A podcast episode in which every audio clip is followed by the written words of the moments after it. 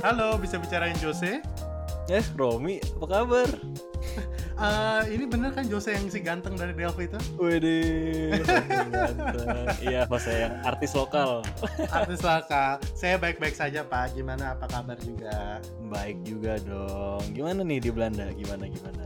Udah lama ya kita gitu ngobrol. aja Pak. Gitu-gitu aja, biasa. Ya di sini masih kerja aja working from home. Nah si bapak ini gimana? Lagi sibuk apa nih? Ya, sibuk saya sih sibuk ini buku kemarin kan baru nulis. Hmm. Hmm, buku nulis terus ya nyari-nyari kerja aja sih.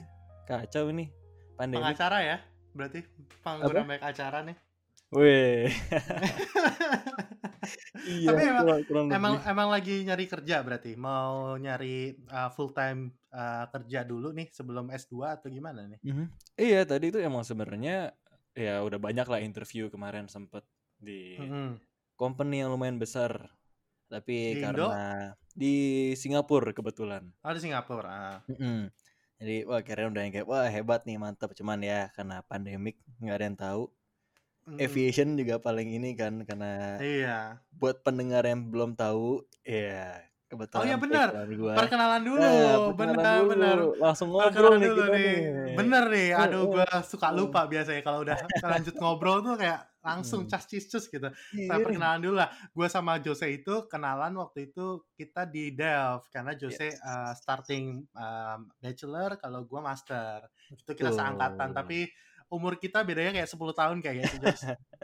Age is just a number man. Eh, ya pokoknya uh, Jose mulai uh, bachelor aerospace. Nah silahkan Iya. kalau lo pengen menambahkan apa gitu, Jos tentang Apa diri lo. kan ya ya itu aja background background dikit mm ya kan Mm-mm. waktu di gua ngambil aerospace terus ya baru lulus ke tahun ini jadi kelas Ah, tahun ini ya? Gue pikir tahun lalu, 2019 akhir. Gua kemarin 2020 baru kelar Januari Hmm, Januari. Hmm, tapi karena ya aerospace dan pandemik sepertinya tidak bersahabat jadi kenapa saya sekarang jadi pengacara seperti yang bapak Iya. bilang Bener. Ah, Mm-mm. Tapi ah, kenapa pulang, Jos? Kenapa nggak nyari kerja di sini?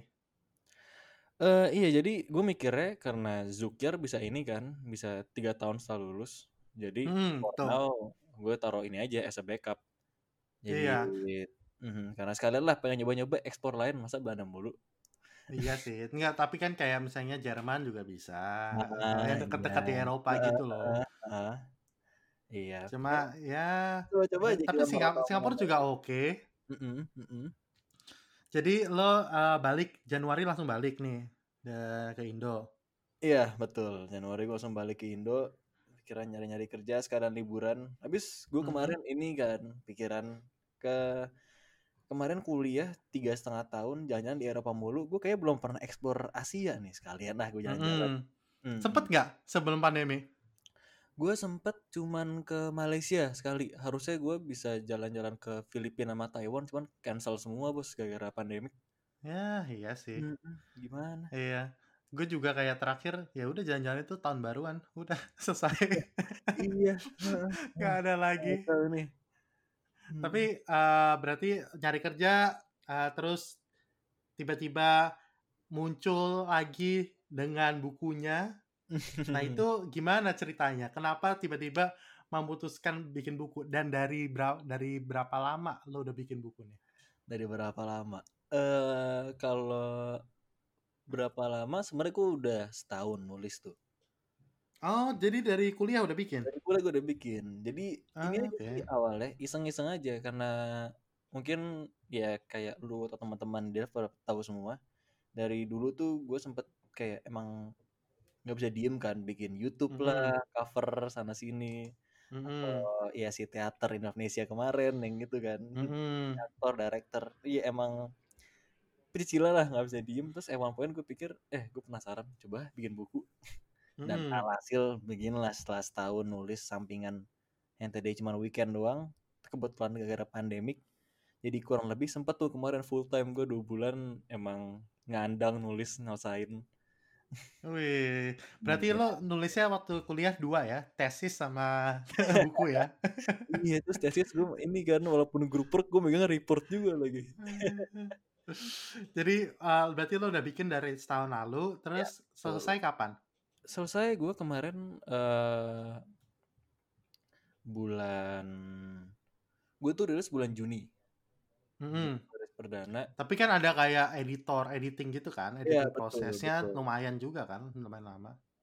Sebetulnya gue kemarin agak ngebut sih. Jadi kayak karena gue pikir ini gara-gara pandemik kemarin semua work from home pada lockdown Mhm. semua.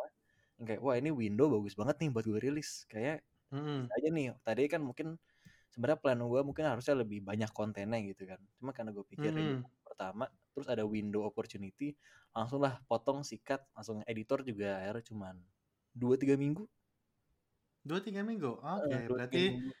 ya selesai sekitar bulan Mei Juni gitu ya Iya kemarin. Mei Mei Juni udah final draft lah masuknya. Ah, Oke. Mm-mm. Nah bukunya itu judulnya apa dan uh, isinya itu tentang apa sih sinopsisnya? Nah, judul bukunya itu Living in Mediocrity. Jadi Ah, language-nya full English. Di sini full English ya? full English dong. Aduh ribet ya bacanya ya. Iya, iya. Aduh, ntar tunggu translatednya mungkin ada tahun depan. Mm. Mm. Jadi kontennya itu gue ngomongin di sini about social lifestyle and social acknowledgement. Jadi general lah topiknya, semua orang bisa ngerti. Mm. Kayak contohnya yang inilah, kayak yang bisa diobserve ya sehari-hari yang paling common orang-orang. Ya? Kayak apa nih? Misalnya temenan geng-geng gitu atau gimana? Eh, iya kayak lu sosial sama temenan tuh gimana, kayak interaksi sama temen lu. Kayak inilah salah satu contohnya, kayak pernah gak sih lu ngerasain kayak orang sekitar lu lebih fokus ke main HP dibanding ngobrol? Ah, oke. Nah, Jadi kayak itu social observation gitu iya ya? observational aja semuanya. Jadi ya mungkin ada beberapa gue masukin scientific theory behind-nya lah, kayak beberapa Mm. psikologi aspeknya. Tapi mostly ya ini aja as an opinion yang gue bisa ya personal research yang gue liatin kan kadang orang ngerasa kayak contohnya tadi gitu kan yang kayak ini kenapa sih orang-orang kok pada main HP semua nggak ada yang ngobrol kan mungkin Emang ada two side of the story kan mungkin emang bisa jadi lu yang nggak menarik atau bisa jadi orangnya ini lagi ada kerjaan nih nah itu yang gue analisa apa sih two side of the story of Oke. everything kayak biar orang nggak cepet ngambil konklusi Mm-mm. Tapi berarti ini based on your experience gitu atau uh, ceritanya itu kayak lebih general atau lebih kayak observasi aja nih? Hmm, jadi gue ngambilnya ini sih, lebih ke mostly personal observation, but Mm. eh, beberapa stuff emang yang yang paling generik, yang gimana semua orang semua usia bisa relate hitungannya. Ah, Oke. Mm-mm. Harapannya kalau orang baca buku ini tuh apa? Pengen kayak oh iya nih gue sadar tentang ini dan gue lebih tahu tentang banyak tentang ini atau gimana nih? Hmm. Ah, motivasi lo bikin buku? Awalnya gue motivasi bikin buku karena iseng sih sebenarnya, kayak emang Mm-mm. Pengen nulis cerita aja. Tadinya tuh awalnya mungkin pengen nulis lebih ke autobiography, cuman gue ngerasa kayaknya gue terlalu selfish belum menjadi apa-apa nulis autobiography gitu kan. Autobiografi tentang diri lo gitu ya? Iya tadinya kan, Wah, soalnya kan cerita-cerita tentang diri sendiri awalnya karena gue lo ngerasa kayak Van Gogh banget ya? iya, Lukis-lukis diri sendiri gitu, narsis banget. iya narsis gak apa-apa lah, iya. Cuman at one point gue ngerasa kayaknya gue kurang ngasih ada value-nya nih kalau misalnya gue nulis tentang diri Hmm. sendiri. Jadi kayak gimana gue puter, maksudnya gimana cara di sini posisi gue sama sama audience. Hmm, setara, oke. kayak sama-sama nggak tahu apa-apa, sama-sama nganalisa bareng. Jadi hitungannya di sini gue nggak nggak ngasih konklusi in a sense that I tell you what to do gitu loh. Jadi kita sama-sama nggak elaborate bareng kayak. Ah, Oke, Jadi sama-sama kayak mm, mikir bareng gitu ya. Oh betul. iya bener-bener juga gitu. Mm-mm, kayak ini bener juga. Eh tapi bisa gini juga loh. Tapi begini gimana Ah, ya? Jadi kan dia ke explore bareng. Jadi sebenarnya di buku ini yang pengen gue dapetin dari readernya, yang goal yang pengen gue achieve itu as a apa ya eye opener lebih kayak ke increase awareness yang kayak mainly about guys sebenarnya ada dua set of story loh kalau Hmm, saya dianalisa kadang kan orang cepet nangkep yang satu doang whichever that mm-mm. preferable to them mereka ambil gitu kan whether it is for or against them. Nah, di sini gue pengen yang kayak ada loh dua story kalau misalnya lu ajak ngobrol orang tuh bisa lu explore loh. Nah, itu yang gue kepengen. Biar orang tuh nggak cepet dapat Oke. konklusi. Jadi ada conversation. Oke, menarik Hmm. menarik. Tapi kenapa judulnya Living in Mediocrity? Mediocrity ini kayak kayak apa ya? Ke bukan kesederhanaan ya, kayak biasa aja gitu hidupnya ya gitu-gitu aja gitu kan. Aha, iya Nggak iya. nggak terlalu high, nggak terlalu low, tapi ya mediocre gitu kan. Mhm. Nah, kenapa Iya. itu judulnya itu Living in Mediocrity? Iya, pertama karena gue lihat di sini kemarin gue mikirnya gini kayak kan gue di sini naro posisi gue sebagai non expert kan. Mm-mm. Mm-mm, karena di baratnya kan kalau misalnya orang nulis buku tau lah yang kayak oh iya gue PhD in psychology so I wrote about this because of teori bla bla bla. Di sini kan Mm-mm. gue ibaratnya gue student eh, umur gue masih muda wisdom juga hitungannya belum seberapa knowledge belum seberapa yang kayak Mhm. masih standar lah masih yang kayak iya terus gue mikir apa yang word yang konotasinya bisa dibilang negatif tapi sebenarnya tuh yang kayak you're in the middle of something gitu loh. Oke. Mm, makanya gue Kan ngambil word mediocrity. Ah, oke. Mm, Karena gue kemarin waktu uh, baca, uh, lihat judulnya gitu ya, mhm, kayak Living in Mediocrity ini kayak uh, mediocre life, gimana lo hidup uh, di social economic standard yang uh, yang medium aja, mediocre, mhm, atau ini tentang apa nih gitu. T- mm, Waktu gue baca sinopsisnya, gue kayak ini kayaknya lebih ke social eksperimen atau social uh, apa ya observation gitu kan. Terus yes gue makanya jadi gue nanya gitu, ah bedanya eh, ini apa nih mediocrity di mana? Tapi gue sudah mendapatkan jawabannya sekarang. iya nah itu maksudnya kalau misalnya penjelasannya lebih banyak di buku cetak gue sih karena ada Mm, di sinopsis belakangnya kan itu itu ada mm. ininya kalau misalnya lu bisa lihat di Instagram tuh di Instagram gue at Jose Juro by the way follow follow Tetap ya promo. Eh, ya sayang sekali, mohon maaf Bapak Jose, ini eh, insa- podcastnya tidak terlalu terkenal. Jadi belum terkenal pak belum terkenal yang we'll see lah. iya dong tapi ya lumayan sih, berapa hari ini udah streamnya udah lumayan lah. Weh, udah udah rising ya, rising. Udah nggak mediocre lagi ya. Oh, inilah di bawah mediocre, Pak. Aduh. Tapi berarti lo udah bikin buku ini, terus kayak proses eh, seleksi eh, udah selesai, terus lo approach gimana sih prosesnya untuk lo bisa publish gitu? Karena kan eh, publish buku juga lo harus punya kayak kalau film ada produser gitu kan. Oh Yes, ini betul. kayak ada publisher gitu. Nah, Mhm. lo milihnya lo apa lo udah kenal, punya kenalan atau gimana ceritanya? Nah, di sini gue sebenarnya awal-awal gue ngerasa ini mungkin orang ngelihatnya gue terlalu pede, tapi gue ngerasa gue kurang pede karena di sini gue nggak approach publisher. Hmm. Jadi di sini gue pakai sistem self publish. Kebetulan itu Mhm. di Amazon itu sebenarnya semua orang bisa nge-publish without ada agency atau without publisher. Jadi ibarat Oh kayak gitu. sosmed gitu. Iya, sebenarnya bisa. Yang penting Ah, oke. lu submit transkripnya, itu mereka ada Mhm. program sendiri even yang kayak buat ngedesain e-booknya. Mhm. Oke. Iya, jadi sebenarnya itu semua lengkap di Amazon yang kayak mereka ada nama platformnya KDP itu Kindle Publishing gitu. Mhm. Itu semuanya eh, dia sistemnya free sih. Jadi apa Hmm. namanya cuman royaltinya aja dipotong.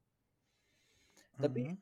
iya di situ eh kenapa gue bilang gue kurang pede karena gue belum berani approach publisher karena ini buku pertama gue dan gue bukan Hmm. expert gitu loh. Gue pikir sama karena ini iseng-iseng, ah coba deh sendiri dulu aja, lihat tes airnya dulu gimana sih ini rame gak nih? Iya, lihat marketnya dulu ya ya.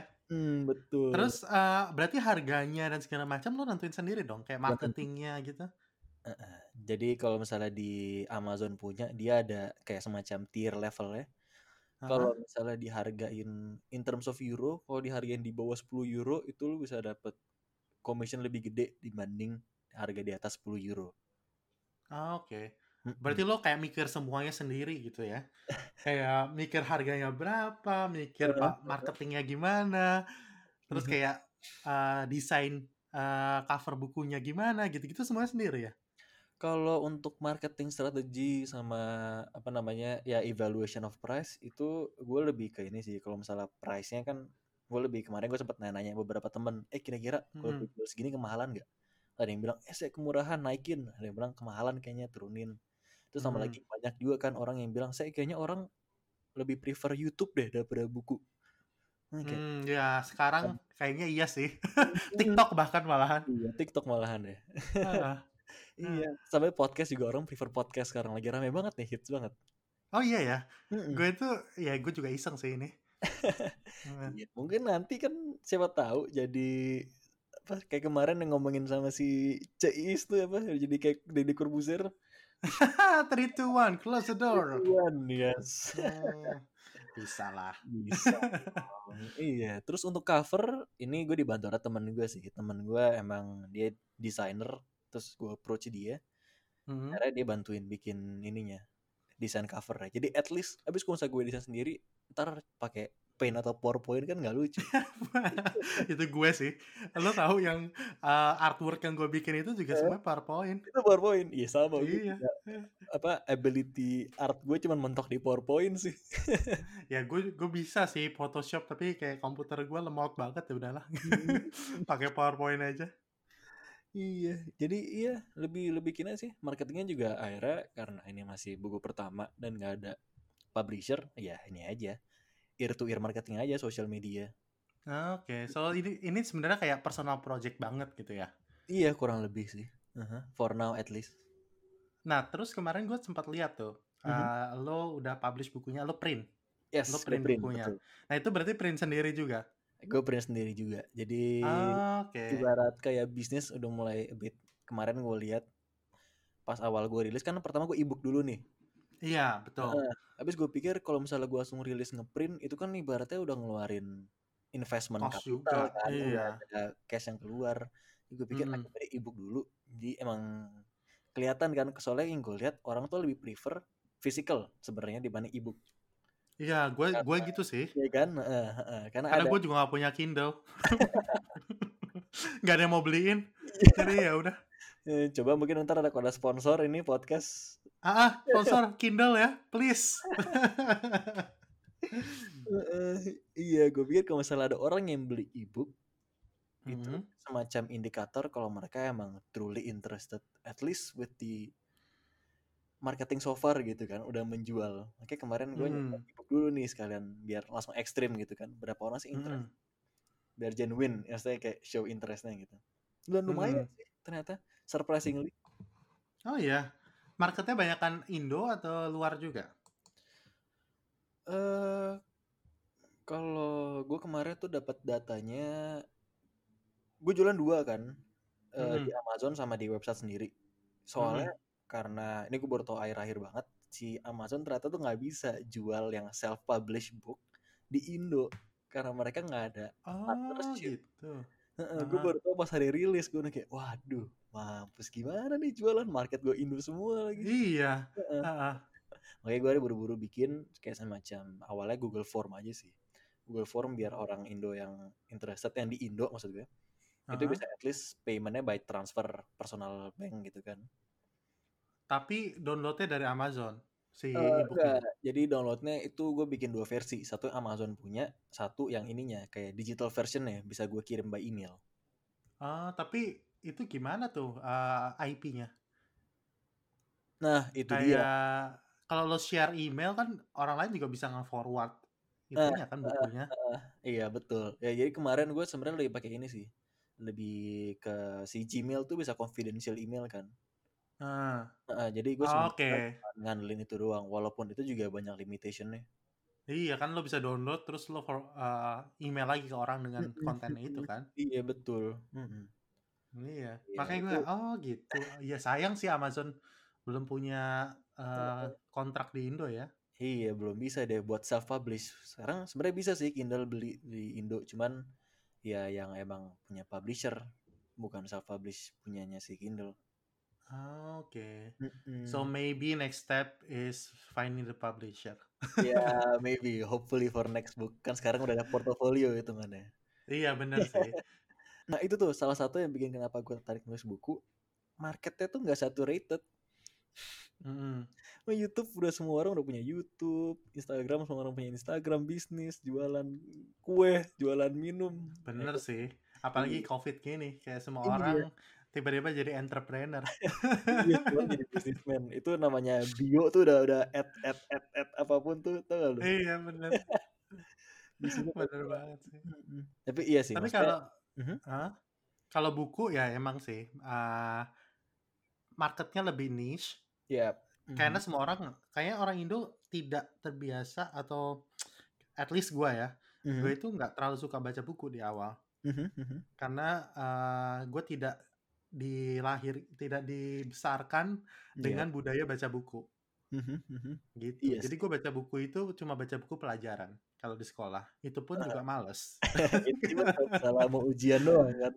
iya nah makanya eh, jadi emang nggak ada budaya itu dan ketika gue waktu ke Eropa ke Belanda itu kayak semua orang kalau di kereta atau di mana gitu di public transport tempat umum baca buku Mhm. kalau kita kan pakai HP terus kan kalau nggak Iya. WhatsApp nonton YouTube Netflix apa segala macam tapi kalau mereka lebih baca buku gitu Mhm. nah mungkin di marketnya di Indo lebih niche aja jadi Yes, betul. eh, lebih mungkin malah lebih banyak yang tertarik malahan Iya. jadi Mereka hitungannya gini yang gue lihat, mereka beli buku kayak dibanding kemarin gue jual ebook sama sekarang printed ya. Mhm. Mereka tuh lebih beli buku itu buat sentiment physical booknya buat di shelf. Jadi yang kayak yang gue rasa menurut mereka kayak karena ini beberapa yang beli mostly yang, kenal gue kan. Jadi yang kayak wah gila, hostnya beli buku gue beli ah biar bisa dipajang di shelf. Oh, Hmm. oke. Jadi pajangan ya, bukan Iya jadi jadi jadi itu bahan bacaan. Iya karena gue ngerasa mungkin di sini kita lebih nge-value sentimental point of physical thing-nya gak sih? Iya, kadang-kadang sih. Mm-mm, mm-mm. Iya, oh jadi gitu. Kalau misalnya sekarang nih, lo berarti kan Ya. lo udah buka PO Mm, untuk uh, atau misalnya delivery lah sekarang udah mm. bukunya udah ada. Nah itu gimana cara dapetinnya? Dapetin apanya nih? Dapetin buku, order bukunya atau segala Ah, macam. order bukunya. Order buku itu sebenarnya bisa cek aja langsung di Instagram gua, itu ada di bio-nya, ada linknya. Mhm. Atau bisa langsung buka. Jadi kemarin gue tuh uh, alongside this book, gue sekalian aja ya gue bikin portfolio website. Mhm, namanya apa?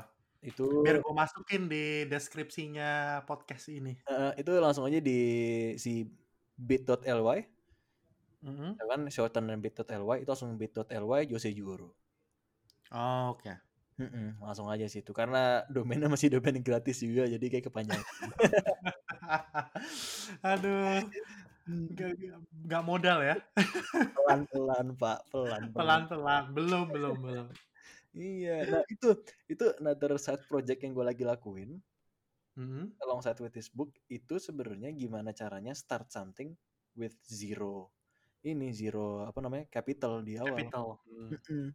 Karena gue ngerasa yang kayak ebook gue nggak publish cuma butuh laptop doang, which like ya bisa di assume itu semua orang udah punya gitu kan. Mhm. Mm-mm. Terus website juga gratis, Google Form juga gratis, jadi kayak Bikin aplikasi lah, Jos. apa? Bikin aplikasi gitu, bikin Wah. app. Aha, itu mungkin bisa kita Kan bahas nanti gimana. Nah, la- masalahnya lo kan kemarin gue lihat lo publish kayak oh lo udah ngambil kelas ini ini ini gitu kan online. Yes, Lo sibuk betul. dengan kelas online. Nah, kayaknya udah jadi em, bekal yang cukup nih buat lo bikin app sendiri. Nah, nanti kalau lo punya ide bagus, lo bisa create app sendiri. Ya mungkin aja nanti kayak Flappy Bird gitu yang kayak simple Iya. tapi orang banyak gunain. Gitu kan bisa. Iya, itu juga one of target future project sih. Nanti ditunggu saja jam tayangnya. Wih, mantap, mantap. Tapi tadi kan lo bilang kalau Yap. buku ini mestinya lebih tebel nih. Mhm. Dan lo, eh, maksudnya lo kejar supaya selesai waktu di masa pandemi ini. Yap. Nah, kira-kira akan ada second book nggak dari lanjutan dari buku ini? Eh, oke tadinya gue mikir mau bikin buku ini bentuknya very formal and proper kan, kayak ibaratnya kalau plot tuh lengkap ada intro, ada ya middle point, climax sama Hmm. ending gitu kan, yang kayak kayak buku-buku in general lah. Mhm. very and like very nicely written editor juga ibaratnya gue hire yang profesional cuma Mhm. at one point gue ngerasa pas gue lagi buru-buru ngerjain itu itu jadi yang kayak this book jadi punya identitinya sendiri Mmm. jadi as apa namanya eh semacam iya ini first book gue kelihatan kan soalnya karena gue kemarin editornya juga teman-teman gue kemarin gue dapat review yang kayak saya ini kayaknya beberapa language-nya masih agak off. Maksudnya kayak it's not really that conspicuous tapi kayak ya a bit off aja gitu loh beberapa sentences-nya. Cuma ngerasa Iya. I think that really malah jadi nggak nggak bikin color si bukunya tone nya jadi yang kayak oh ya ini emang amateur yang nulis and in the Iya, beberapa amateur non native gitu kan. iya amateur non native non expert dan ini gue buru-buru ada window of opportunity Iya. sense gue sekarang lagi living in mediocrity ini jadi mungkin Iya, betul sih. Wah, pas banget tuh. iya makanya kayak wah and dapet nih ceritanya nih makanya gue pikir Mhm. mungkin akan ada kelanjutannya tapi not in the near future mungkin in 10 years time di mana gue bisa nge-reflect balik Dan lo improve banget gitu kan dan jadinya. iya jadi kayak per milestone milestone milestone gitu jadi kan ada developmentnya kelihatan jadi ibarat kayak buku Harry Potter lah Mhm. Oke, Harry Potter tapi banyak loh. iya lo chapternya banyak juga nanti. Tapi iya lo kan bilang kalau ini eh, mediocrity kan, maksudnya ya lo lagi eh, tentang eh, social observation gitu. Itu ya lebih ke anak muda atau in general kayak semua orang juga nih yang bisa baca? Eh, jadi gue kemarin pas nulis Mhm. eh, itu emang targetnya seumuran kan karena kan gue nggak bisa relate with those who are older than me kayak ibaratnya I cannot relate with my parents sama I Mhm. cannot relate juga with my little brothers yang ibaratnya masih yang Beda banget ya. Iya, 10 years younger gitu kan. Jadi kayak kayaknya gue kejauhan deh kalau misalnya gue langsung nulis in their perspective. Tapi gue Iya. bisa nulis Oke. on my perspective about them. Itu juga gue beberapa gue taruh yang kayak eh ibaratnya oh ini one topic itu gue ngebahas kayak the expectation between you and your parents gitu kan. Yang kayak Hmm. bisa bisa sejalur, bisa beda, bisa beda tapi lo paksain. Yang begitu kan yang kayak mungkin itu semua orang bisa relate in a sense that maybe you had experience it before atau lu mungkin akan experience it later on mungkin kalau misalnya lu younger bacanya atau ya sekarang lagi Hmm. ngerasain gitu makanya gue mungkin in that sense it is relatable bisa something that you look forward to or like something that you look back to jadi yang kayak a bit self reflection karena itu Iya juga sih. review yang gue dapat beberapa kemarin dari beberapa reader kan kebetulan reader gue juga lumayan wide age range ya kemarin gue survei soal Mhm. Mm-mm. dan iya itu yang mereka bilang like eh gue juga post beberapa reviewnya di ini di Instagram sama di website gue iya it's relatable in a sense that ya all of the aspects that is being discussed itu emang iya something that had happen will happen or like are happening right now gitu Iya. Mm. Iya sih, tapi juga ya banyak kayak small aspects kayak misalnya nih generasi gue Mhm. zaman dulu kita sempat ngerasain yang namanya disket atau misalnya oh internet iya tuh masih pakai eh, harus kalau lo internet yang 0809894 kali itu itu eh, lo telepon rumah mati yang kayak gitu. Maksudnya yang kayak gue juga pernah ngerasain kok transisi transisi. Iya masa transisi kan. Tapi kayak sekarang bener-bener apa ya internet dan segala macam itu udah kayak di mana-mana gitu. Dan eh, semakin beda aja sih kalau misalnya social observation kayak 10 tahun ke belakang sama sekarang atau generasi gua dengan generasi yang adek lo gitu ya Mhm. itu bakal beda banget sih pasti Mhm, mhm. karena eh, gua ngerasa ya banyak kayak TikTok gitu gua kayak ya gue sampai sekarang gue masih bingung beberapa video lucu banget menurut gua Aha. tapi gua kayak belum ada niatan untuk bikin TikTok sih Iya, gue juga belum ada sih ya sampai sekarang. gue kayak aduh ini apa gue terlalu tua ya udah menjadi sangat boring kan TikTok kayak banyak nari-nari gitu gue kayak lihat Iya. Lihat muka gue di kamera aja malu gitu apalagi suruh nari-nari Aduh. Aha. Iya, tapi itu gue juga kemarin khawatir begitu sih, yang kayak Mm-mm. gimana ya cara bikin konten yang gue bikin tuh ibaratnya, karena buku kan sifatnya lebih apa ya lebih panjang hidupnya dibanding ibaratnya gue naruh Betul. konten Heeh. sebagai lagu atau film atau foto Iya. kayak lebih panjang deh hidupnya gitu kan makanya kayak gimana gue bisa, bisa sekalian nge nge apa namanya nge packaging si buku ini kayak inilah kayak ibarat buku history Iya. ke buku history ya lu nggak bakal bisa relate orang perang pakai bambu Mm-mm. Iya kan Iya karena sekarang udah nggak ada gitu. suruh sekarang udah udah nggak gitu. ada iya tapi Mm. prinsip dibalik dia mungkin strategi perangnya gimana si demografiknya gimana interaksi yang itu orangnya gimana itu kan ibaratnya Pasti ada benang yang- merahnya sih. iya Iya. something yang bisa dipelajarin kan yang emang kadang orang tuh kadang mungkin some people take stuff too literally kayak mungkin gue nge-compare kayak tadi lu bilang apa zaman dulu pakai disket zaman sekarang pakai USB Mhm, mungkin sebenarnya pelajarannya tuh bukan si disket atau USB-nya mungkin gimana cara lu nge-adapt to the technology Iya. nah kan jadi yang kayak prinsip-prinsip yang seperti itu sebenarnya pengen gue bawain yang yang gue tekenin. Jadi it's not really about the examples but it's more like what you can learn from it. Iya lebih apa ya namanya timeless apa sih yang Iya, ibaratnya? Iya itu itu challenge terbesarnya sih yang buat nulis buku itu gimana caranya buat people 20 years from now tetap bisa ngerti like maksudnya take something from it. Iya good good good menarik. Emang sih bikin buku uh, challenging. Gue waktu zaman dulu juga sebenarnya ada workshop bikin buku gitu. Aha, aha. cuma gue waktu itu sibuk zaman kuliah uh, di Bandung. Jadi kayak nggak guanya nggak terlalu involved jadinya. Malah Hmm. jadinya nggak involved sama sekali sih. Gue merasa menyesal sih karena Mhm. waktu itu menarik juga konsepnya waktu gue mau bikin waktu yang ikut workshop itu buku tentang hak asasi manusia jadi HAM for begi- Hmm. human rights for beginners Mhm, jadi mhm. kayak menyampaikan konsep-konsep tentang human rights tapi untuk uh, anak-anak muda gitu Mhm, mhm. untuk mau lebih tahu lo lo entitled lo dengan human rights ini gitu. Iya. Ya, Nah itu emang uh, challenging sih makanya gue tertarik sebenarnya untuk alasan orang bikin buku gitu. Mhm, karena menulis itu adalah hal yang paling gue susah sih. Kayak tesis itu ya nilai tesis gue jelek banget loh bagian writingnya. Gue juga nggak bagus loh sebenarnya writingnya. jadi ya menulis itu menurut gue uh, lebih susah karena kalau ngomong lo lebih spontan kan. Ya, dan kalau nulis lo kan lebih mikirin gimana nih gue bisa convey the message Yes. uh, lebih nyampe gitu ke uh, pemirsanya gitu kalau kita kan di sini cuap-cuap doang ya sekarang Iya. kalau podcast Apalagi podcast Kalau sa- lagi. iya kalau salah ngomong ya cut cut Iya, cut Kat, gitu oke menarik menarik so, jadi kalau lo sekarang nih udah Mhm. jadi writer Yes. ini tuh lo pe- pengen disebut sebagai penulis atau lo pengen emang lo pengen masih mengekspor tentang dunia engineering Wah, di sini kalau explore dunia pekerjaan in this position right now gue lagi white banget sih karena Hmm. bidang gue kan aerospace ya.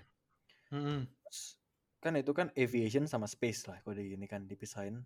Eh, Mm-mm. masalahnya kalau misalnya gue ngajar space ada limitation warga negara karena it's a sensitive subject kan tiap negara beda-beda. Kalau misalnya gue ngajar aviation ini pandemik gue kemarin awal pokoknya setelah gue di reject sama this si Singapura? company ini mereka Mhm. nge reject juga bilang bukan karena gue nggak qualified karena mereka harus restructure bisnis jadi Hmm. ibaratnya gue udah di retrench sebelum gue di hire gitu kan. Hmm. Iya itu makanya gue harus nge-reassess. Gue lihat yang kayak wah ini menurut predictionnya the industry baru recover 3 to 5 years. Iya itu gue bisa S1 lagi itu kan 3 to 5 years bener iya Iya, makanya gue pikir, ah gue mungkin coba deh agak lihat-lihat si opportunity-opportunity lain yang ibaratnya background gue di engineering bisa kepake. Kayak Oke. seperti eh yang kayak tadi lu bilang di LinkedIn gue, gue ngikut banyak courses kayak data science kan ya. emang ya data science, statistik, gue juga belajar programming language. Terus belakangan ini gue juga lagi ngejar finance karena Hmm. background matematik dulu lumayan kuat dan bokap gue Hmm. juga orang banker kan jadi ya Hmm. mungkin situ bisa gue agak nyelip-nyelip masuk iya jadi di sini apa ya karena di sini gue ibarat ngambil gap year aja jadi udahlah apa pun itu opportunity yang gue bisa coba gue ini aja sikat dulu karena ibarat masih muda juga terus ya masih belum ada inilah belum ada apa namanya yang perlu ditanggungjawabkan iya sih benar ya emang harus open sih gue waktu itu iya. pernah juga ngobrol sama ada waktu itu gue ikutan lomba gitu lah ya terus mm -hmm. uh, kayak ada mentornya dari perusahaan itu. Di mm-hmm. mentornya itu dia dulu jurusan geologi, geologi ITB. Mm-hmm. Tapi dia sekarang kerjanya di bagian research, uh, research marketing gitu. Mm-hmm. Terus uh, jauh banget tuh, bedanya. Ternyata dia waktu itu mulai karirnya di research marketing itu gara-gara ada krisis uh, di oil and gas mm-hmm. waktu di saat itu. Jadi emang job market emang lagi nggak ada tuh untuk geologi. Mm-hmm. Jadi dia pindah haluan lah. Mungkin lo kasusnya mirip-mirip nih. Iya, mungkin pindah bisa jadi. Tapi menurut gue ya, well, uh, kayak data science atau computer science sebenarnya bisa banget lo pelajarin sendiri sih. Apalagi lo dengan background aerospace yang banyak banget math-nya yep. dan statistik dan segala hmm. macam. Dan lu juga bikin model dan segala macam kan? Iya, gue megang semua kok. Data ya, programming language gue juga pernah megang. mirip-mirip lah. Mm-mm. Bisa lah, bisa banget. Kalau misalnya itu. Jadi lo tetap mau coba untuk cari kerja dulu nih, pengen memulai. Gak mau jadi artis, Jos. Lo uh, banyak cover, terus kayak suka apa kayak ikutan apa sih drama-drama gitu. Gak mau jadi artis aja nih FTV atau uh, apa gitu. Gimana ya? Itu gue gue kalau misalnya dibilang mau jadi artis apa enggak berkaryanya gue suka tapi fame-nya as an artist kayak gue kurang suka deh karena yeah. ya gue pernah pengalaman sih hitungannya kayak ditawarin casting atau ah. Nah itu iya tapi kayak apa ya kayak gue lebih suka karyanya sih oh soalnya ya emang sih kalau gue kan emang nggak terkenal dan juga nggak berbakat ya jadi emang nggak ada lah ke situ lah. Cuma emang kalau uh, kalau gue sendiri nih kemarin gue ditanya sama Riri sih. Gimana tuh? Lo emang podcastnya lo pengen uh, lo pengen terkenal ya? Gitu. Mm-hmm. sebenarnya gue juga nggak pengen terkenal sih maksudnya itu terkenal bonus tapi juga nggak ngincer terkenal karena jadi terkenal itu ribet. Kayak hidup sekarang aja ribet gitu untuk nggak terkenal. Sekarang jadi spotlight yang kayak lo diikutin orang-orang dan orang-orang kayak ngepoin tentang lo gitu. Aduh mm. ribet banget ya hidup. Iya lumayan lumayan. Ke mana diikutin mau iya. belanja supermarket tanyain. Iya. Deh Romi belanja barang diskon. Nah lo. Wah Gak tak iya, bener sih. Iya, Tapi iya. ya tetap aja gue kayak ya gue nggak kurang nyaman sih dengan itu emang. Mm -hmm. Cuma iya, sama. Mungkin sama kayak lo. Uh -uh. Jadi kalau misalnya dunia entertainment suka yeah. lah ya sebenarnya berkarya gitu yang seni-seni art kayak nyanyi atau uh, drama atau misalnya mungkin lo punya podcast bakalan nih. gue sekarang kerjaan gue lebih ke ini sih lebih ngisi-ngisi podcast teman-teman gue aja. Seru soalnya ya. gue coba jujur seru banget ngobrol-ngobrol gini iya seru menurut gue juga seru. Terus kalau gue podcast sendiri gue nggak bisa sih. Iya susah karena kayak radio gitu kan. Iya kalau podcast sendiri kan lo harus kayak ngomong terus sendiri. Kalau hmm. berdua kayak gini atau misalnya bertiga ada tektokannya gitu. Jadi lebih uh, lebih gampang. Makanya gue kenapa konsep podcast ini juga ngobrol bareng teman karena hmm. selain hmm. cerita hidup gue kurang menarik ya jadi gue mau ekspor cerita hidup orang lain yang kedua adalah lebih enak tektokannya sih gitu. Uh -huh. Iya, iya. Gue gue setuju sih. Gue setuju sih. Masa bukan gue setuju hidup lu gak menarik ya? Gue setuju. lebih uh, gak apa-apa kok kalau setuju juga gak apa-apa. Ya gini-gini aja hidup gue mah. uh, personal goal, personal plan buat lo nih apa nih ke depannya? Selain cari kerja dan berkarya di tempat lain? Personal plan gue sebenarnya ya long term gue pengen terus ini sih like there's something about doing creative stuff walaupun mm -hmm. full time gitu kan ya kayak ya gue tetap mm -hmm. tetap gue tetap masih tertarik ibaratnya 9 to 5 jobs gue pengen kerja di office gue pengen pakai jas kerja Wih, okay. huh?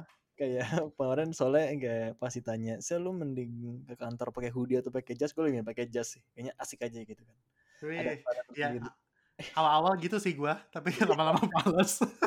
ya lanjut. Iya kan menarik gitu kan. Jadi pengen ngerasain. At least itu ya for sekarang. Sama ini yang pasti long termnya gue pengen terus make something whether it be music. Soalnya gue juga hobi songwriting kan. Mm-hmm. Writing atau ya atau mungkin gue bisa bikin teater lagi walaupun kecil. Kayak gue ngerasa ada there's there's some appeal with like creating ibaratnya kayak art gitu tapi scale-nya Mm-hmm. kecil aja yang emang yang enjoy bukan buat komersial karena kalau komersial gue ngerasa terlalu terlalu business driven gitu loh kayak everything about profit profit profit Iya, tapi ya emang sih kalau misalnya eh, melakukan hobi itu kan menarik gitu ya, kayak yang Iya. lo bilang. Heeh. Eh, tapi ketika hobi itu udah jadi lo udah memonetize hobi, nah itu udah mulai itu udah on the edge of aduh nih gue comfortable atau enggak ya gitu. Heeh, heeh, heeh. itu itu yang makanya mungkin dari kemarin juga gue lompat-lompat gue nulis lagu gue si teater kemarin sekarang nulis buku jadi ya hobi-hobi aja sih sebenarnya iseng-iseng bikin-bikin Wih, oke deh. Ditunggu loh nih karya-karya selanjutnya. ditunggu selalu Ditunggu apalagi kalau misalnya teater segala macam mungkin lo bisa bikin online sih sekarang. Cuma kalau misalnya physical mungkin nanti setelah pandemi ini selesai ya. iya heeh. soalnya yang menarik lagi nih gue tambahin dikit aja gue Boleh? kemarin baca buku itu sebenarnya eh, kayak misalnya scientist nih ya Mm-mm. kan emang yang ibaratnya karirnya very specific satu science doang gitu full 24 hours apa 24/7 itu mereka Mm-mm. bisa lebih excel eh research based mereka bilang. Si scientist ini lebih bisa lebih excel on their scientific work. Kalau mereka sebenarnya punya art hobby. Ah, Oke. Hmm, jadi kayak beberapa Nobel Prize malah yang kayak eh, gua gua nggak bisa langsung cite siapa but beberapa mostly itu mereka malah kayak on the free time painting emang main instrumen. Jadi makanya di situ gue juga makin sebenarnya nih hobi itu nggak cuman as a hobi yang di mana skillnya terlalu beda jauh gitu loh bisa aja Iya. sebenarnya ada beberapa aspek yang gue tarik maybe creativity Iya. atau apa yang menarik sih Iya sih. Maksudnya creativity di as- di domain apa pun itu penting. iya gitu. Mm-mm. Kita udah 45 menit iya eh, ngobrol-ngobrol nggak kerasa. Thank you banget ya Jos untuk waktunya. Yes, thank you juga Romi. Oke, Thank you yeah. ya Jos uh, untuk waktunya. Uh, yep. Good luck sama sukses terus. Yes, good luck to you too. Oke, okay, dah. Uh...